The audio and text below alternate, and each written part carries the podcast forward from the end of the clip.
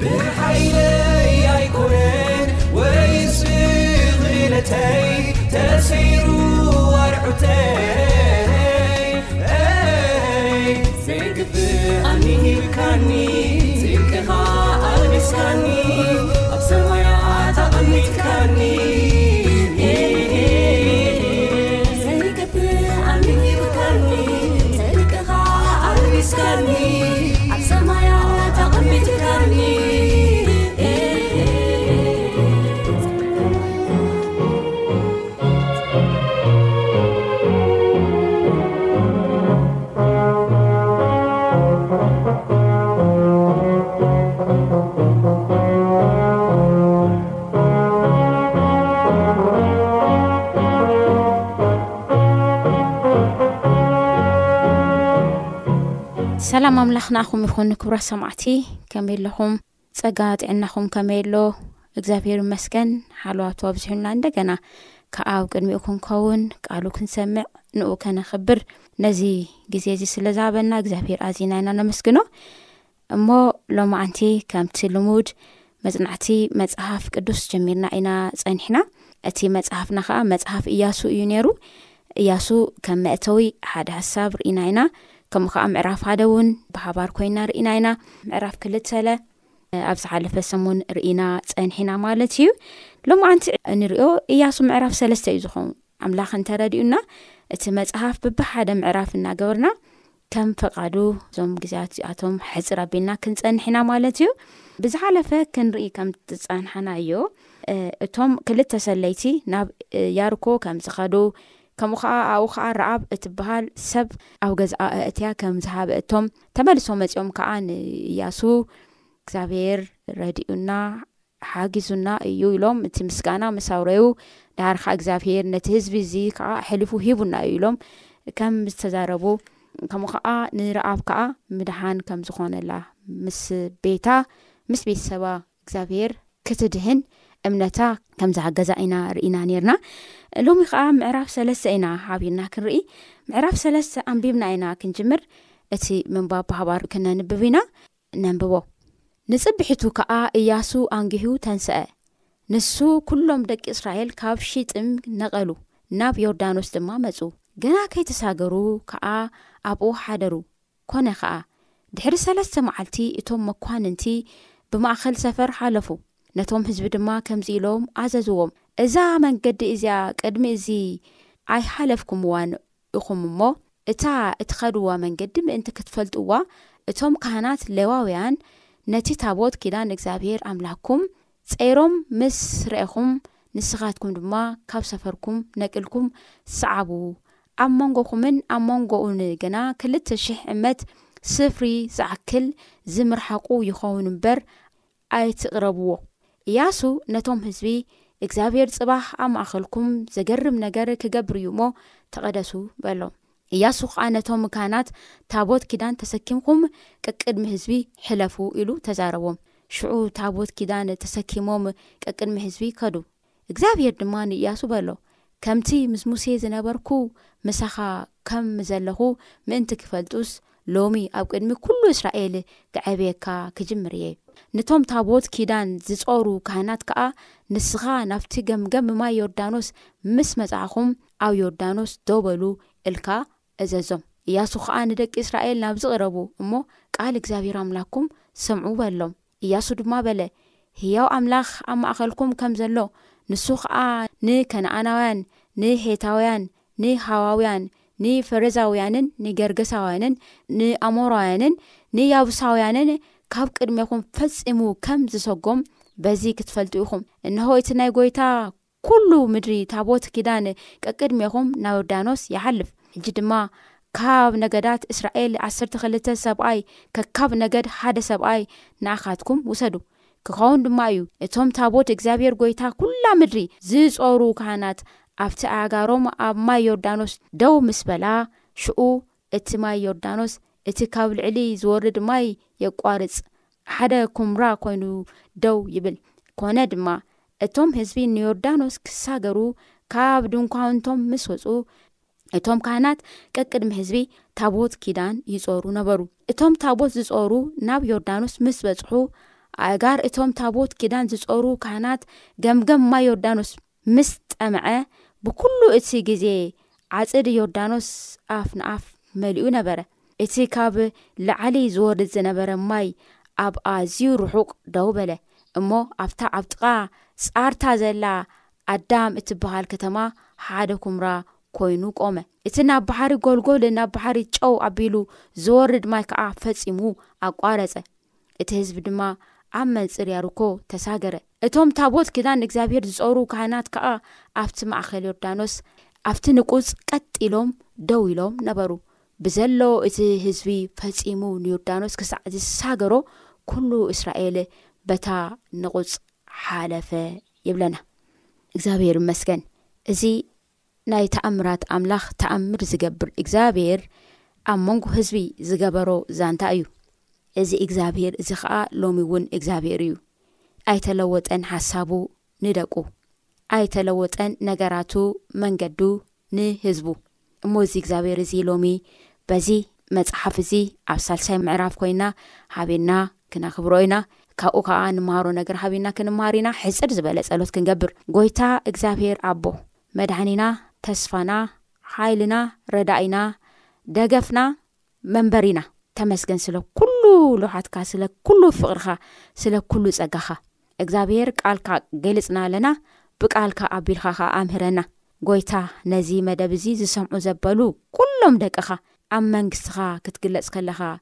ኣባ በእውነት ብጽሒቶም ክኸውን ንልምነካ ኣለና ኣቦ ተኣምራት ኣምላኽ ኢኻ እሞ ተኣምር ትገብር እግዚኣብሄር ኢኻ እሞ ንኣኻ ክንእመን እሞ ኣብ ህይወትና በእውነት ብዝገበርካልና ተኣምር ደሞ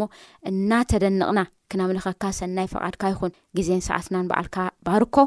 ብወድኻ ብኢየሱስ ክርስቶስ ሽም ኣሜን ኣሜን ዝኸበርኩም ሰምዓትና እሞ ኣብዚ ቦታ እዚ ካብ ዘለዉ ጥቅሲት ዋና ኣብ እያሱ ምዕራፍ ሰለስተ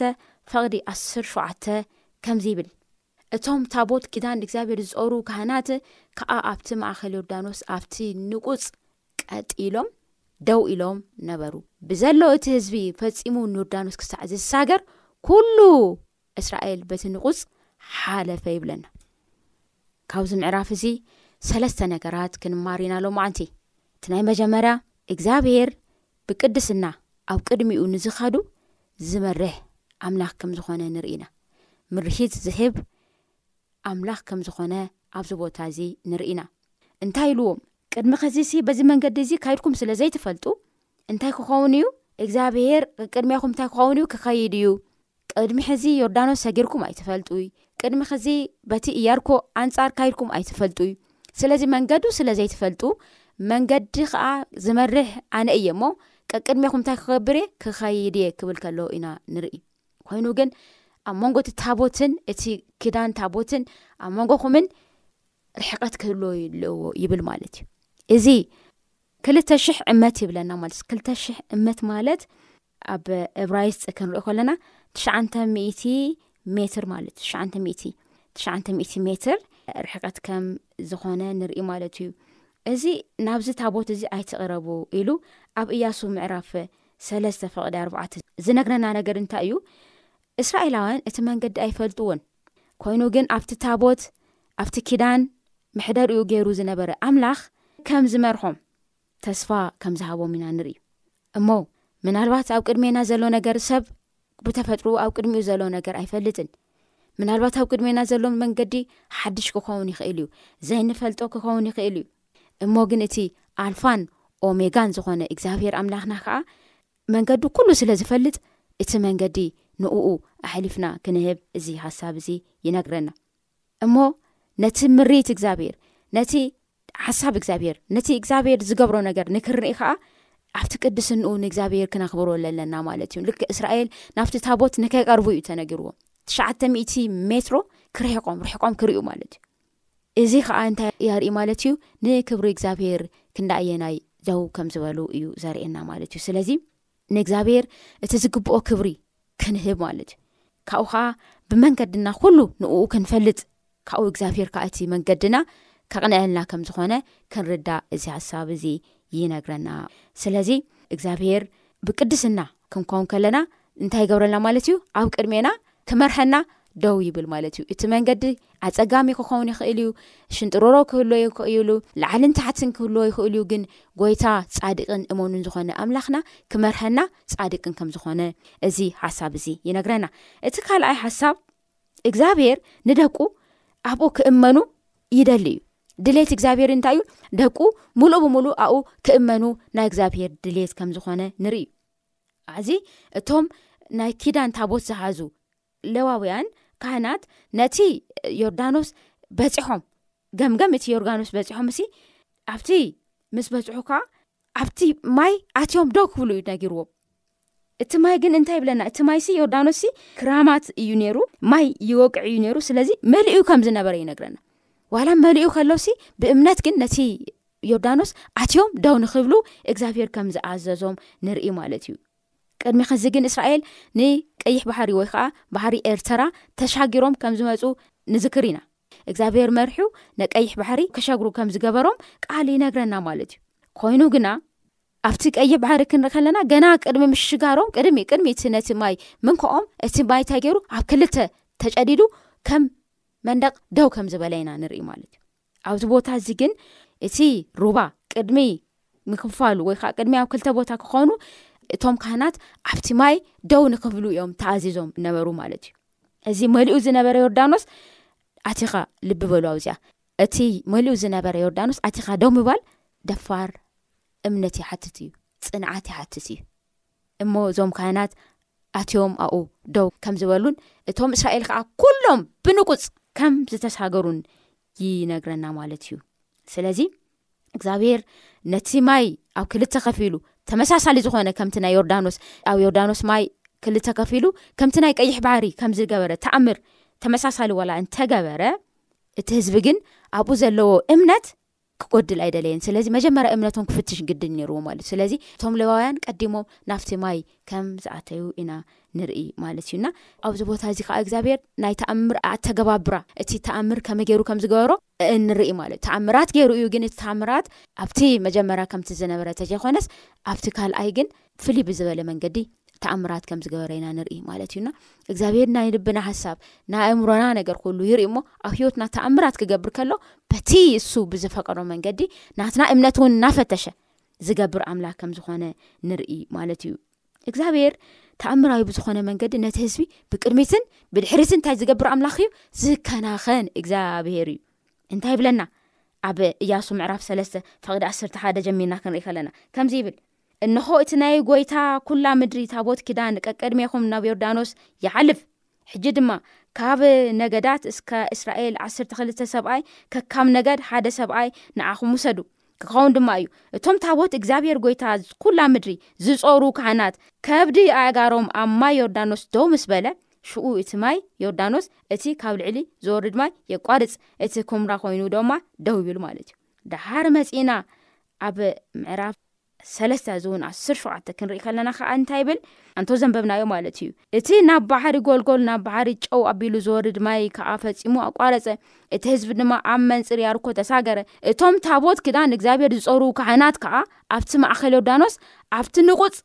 ቀጥ ኢሎም ደው ኢሎም ነበሩ ብዘለው እቲ ህዝቢ ፈጺሙ ንዮርዳኖስ ክሳዕ ዝሳገር ኩሎም እስራኤል በቲ ንቁጽ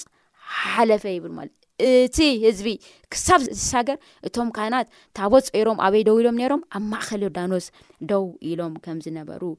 ንርኢ ማለት እዩ እዚኦም ክልተ ጥቅስታት ክንርኢ ከለና እግዚኣብሄር ምስ ህዝቡ ሓቢሩ ከም ዝነበረ ኢና ንርኢ ማለት እዩ መጀመርያ ብቅድሚኦም ሓሊፉ ዳሓር ኣብ ማእኸል ከዓ ደው ኢሎም ነይሮም እዞም ካህናት ማለት ኣብ ማእኸል ከዓ ደው ኢሉ ኣብ ኩሉ ሰብ ብንቁስ እስካብ ልሰግር ደጀን ብምዃን ከም ደው ዝበለ ንርኢ ማለት እዩ ስለዚ እግዚኣብሔር ኣምላኽና ብቅድሚትና ብድሕሪትና ከቢቡ እቲ ማይ እቲ ክንሰግሮ ዘይንኽእሎ ነገር ኣስጊሩ ብንቁፅ ዘሳግር ዝንከባኸብ ዝመርሕ ኣምላክ ከም ዝኾነ ኢና ንርኢ ማለት እዩ እሞ እግዚኣብሔር ግን እቲ ዝሰርሖ ተኣምር ምእንታን ክንፈልጥ ምእንታን ክንርኢ መጀመርያ ልባዕና ዓዳሊና ርእስና ዓዳሊና ክንፀንሕ ከም ዝግባእ እዚ ነገር እዚ ይነግረና እዚ ነገር እዚ ብዝምልከት እያሱ ክዛረብ ከሎ ከምዚ ኢሉ ነይሩ ኣብ እያሱ ምዕራፍ ሰለስተ ፍቅዲ ሓሙሽተ ከምዚ ኢሉ እያሱ ነቶም ህዝቢ እግዚኣብሔር ፅባህ ኣብ ማእኸልኩም ዘገርም ነገር ክገብር እዩ እሞ ተቐደሱ በሎም እዩ ቅድስና ወሳኒ እዩ ገፂ እግዚኣብሔር ንምርኣይ ተኣምር እግዚኣብሄር ንምርኣይ ስራሕ እግዚኣብሄር ንምርኣይ ቅድስና ወሳኒ እዩ ማለት እዩ ዝኸበርኩም ስድራ እግዚኣብሄር ብዙሕ ግዜ እግዚኣብሄር ኣብ ማእኸልና ተኣምር ዝገብር ሰንክር ዝገብር ድንቂ ዝኾኑ ነገራት ዝገብር ሕና ልብና ቀዲስና ንኡ ክንህብ ከለና ጥራይ እዩ እግዚኣብሄር ተኣምር ዘይገብር ከዓ ንምንታይ ከም ዝኾነ ትፈጥሩ ዲኹም ልብና ቀዲስና ተቀዲስና ኣብ ቅድሚኡ ስለለይንኸውን እግዚኣብሄር ተኣምራት ኣይገብርን ምናልባት ግን ሎሚ ተኣምር እግዚኣብሔር ኣብ ህይወትና ከይኸውን ዝዓገቶ ነገር እንታይ ይኹን ዘይምቅዳስና ዶ ይኸውን እሞ እግዚኣብሔር እንታይ ይብለና ተቐደሱ ደቀይ ይብለና ብዘይ ቅድስና ንእግዚኣብሔር ምርኣይ ኣይከኣልን ይብለና መፅሓፍና ብቅድስና ኮይና ተኣምር እግዚኣብሔር ክንርኢ ይግባኣና ማለት እዩ ቀይሕ ባሕሪ ጥራሕ ኣይኮነን ዮርዳኖስ እውን ከፊሉ እዩ እዚ ማለትይ እንታይ ማለት እዩ እቲ ወለዶ እቲ ህዝቢ ካብ ሓዲኡ ናብ ሓዲኡ ክሰጋገር ከሎ ንኣብነት እዚ ንርኢ እቲ ህዝቢ እኮ ኣብ ዮርዳኖስ ክሰጊሮም ናብ ያርኮ ኣትዮም ነቲ ከነኣን ክወርሱ ከሎ ነቲ ህዝቢ ብኣብዝሓ ካብቲ ካብ ግብፂ ዝወፀ ህዝቢ ኣብ መንገዲ ከም ዝተረፈ ኢና ንርኢ ግን ሓደሽቲ ወለዶ ኣብቲ በረኻ ዝተወረዱ ወለዶ ክሰግሩ ክለው እግዚኣብሔር እንደገና ናይቲ ቀይሕ ባሕሪ ዝኸፈለ እግዚኣብሔር እንደገና ንዮርዳኖስ ክኸፍል ከሎ ኢና ንርኢ እዚ እንታይ እዩ ለርእየና እግዚኣብሄር ብብግዜኡ ትኩስ ዝኾነ ነገር ውዒ ዝኾነ ነገር ዝገብር እግዚኣብሄር እዩ ኦ ቀደም ከምዚ ነይሩ ዋ እስራኤል ከምዚ ነይሩ ሙሴ ከምዚ ነይሩ ላና ብነበረ ብታሪክ ክንነብር ኣይኮናን እግዚኣብሄር ናይ ሎሚ እውን ኣምላኽ ከም ዝኾነ በዞም ወለዶቲኣቶም እግዚኣብሄር ዝገበሮ ተኣምር እዚ ይነግረና ማለት እዩ ኣብቲ ዮርዳኖስ ገምገም ደው ኢሉ ዝነበረ ህዝቢ ነቲ ቀደም ዝኾነ ታሪክ ጥራሕ ዝነግር እንተዘይኮነስ ሎሚ ብዓይነይ ኣነ ብዓይነይ ርእዮ እየ እግዚኣብሔር ከምዚ ገይሩ ኢሉ ላ ግብርታት እግዚኣብሔር ብዓይኑ ዝረእዮ ብእዝኑ ዝሰምዖ ተግባራቱ እናርአ ንክምስክር እግዚኣብሔር ደልዩ ነይሩ ማለት እዩ ስለዚ ሎሚ እውን ብእምነት እንተቐሪብና እግዚኣብሔር ብውልቀና ዛለማምደና በረከት ዘለዎ ሕያው ዝኾነ ኣምላክ ከም ዝኾነ ክንረዳእ ይግባኣና ማለት እዩ እሞ ዝኸበርኩም ስድራ እግዚኣብሔር በዚ ናይ እያሱ መፅሓፍ ምዕራፍ ሰለስተ ዝረኣናዮም ሰለስተ ነገራት ንምዝኽኻር እንደገና ክደግመልኩም እየ እቲ ናይ መጀመርያ እግዚኣብሔር ብቅድስና ኣብ ቅድሚኡ እንተቐሪብና ክንወርሶ ዝግበአና ነገር ኩሉ ዘውርሰና እግዚኣብሔር እዩ ማለት እዩ እዚ ውርሲ እዚ ምስ ምምንታይ ዝተሓዘ መሲልኩም ኣሕና ናይ መንግስቲ ካህናት ኢና ነቲ ርስቲ ተፈሊና ናብኡ ዝተፀዋእና እግዚኣብሄር ዝፀወዐና ህዝቢ ኣምላኽ ኢና እሞ ናብቲ መንግስቱ ናብቲ ናቱ ሙሉኣቱ ናብቲ ክብሩ ናብቲ ዘዳለወና ቤቱ ብፅድቅን ብሓቅን ክመርሐና